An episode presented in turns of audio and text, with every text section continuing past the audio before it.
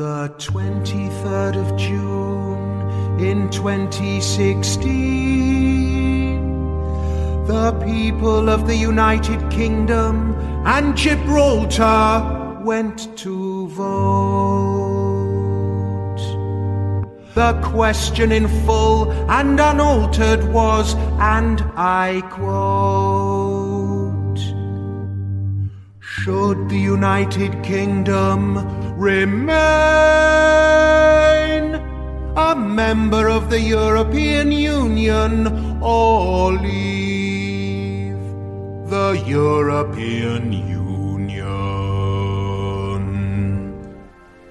Britte wat verkies het om in die EU te bly, het vir 'n laaste keer hulle stem dik gemaak. Hulle het besluit dat Beethoven se Ode aan die Vreugde nommer 1 op die Britse treffersparade moet wees, juis op die historiese dag waarop Brexit sou plaasvind. Die Europese Raad het in 1972 besluit dat Beethoven se komposisie voortaan hulle kenwysie sou wees terwyl die Europese Unie dit in 1993 as hulle amptelike volkslied aangeneem het.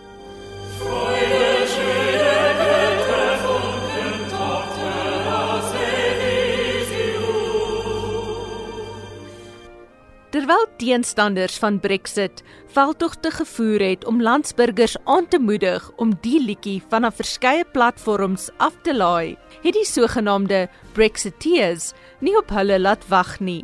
Hulle het weer vir Brexit ondersteuners gevra om 'n liedjie van die komediant Dominic Frisby af te laai.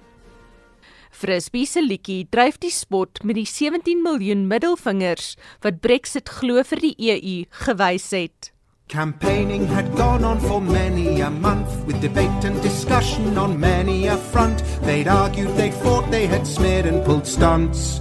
There was David Cameron, Theresa May, George Osborne, Tony Blair, John Major, the BBC. If you vote to leave, you'll lose your job. Vote to leave, you'll lose your home. The ensuing recession will last for years.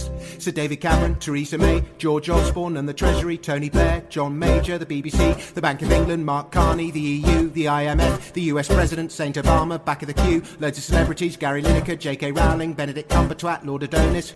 The British told them to cough. 17 million coughs. Maar teen gistermiddag het Frisbee self eintlik die middelvinger gekry toe Andre Rio se Out to Joy die nommer 1 plek op die Britse treffersparade ingeneem het. Ek is Anne Marie Jansen van Vuren vir SAK nuus.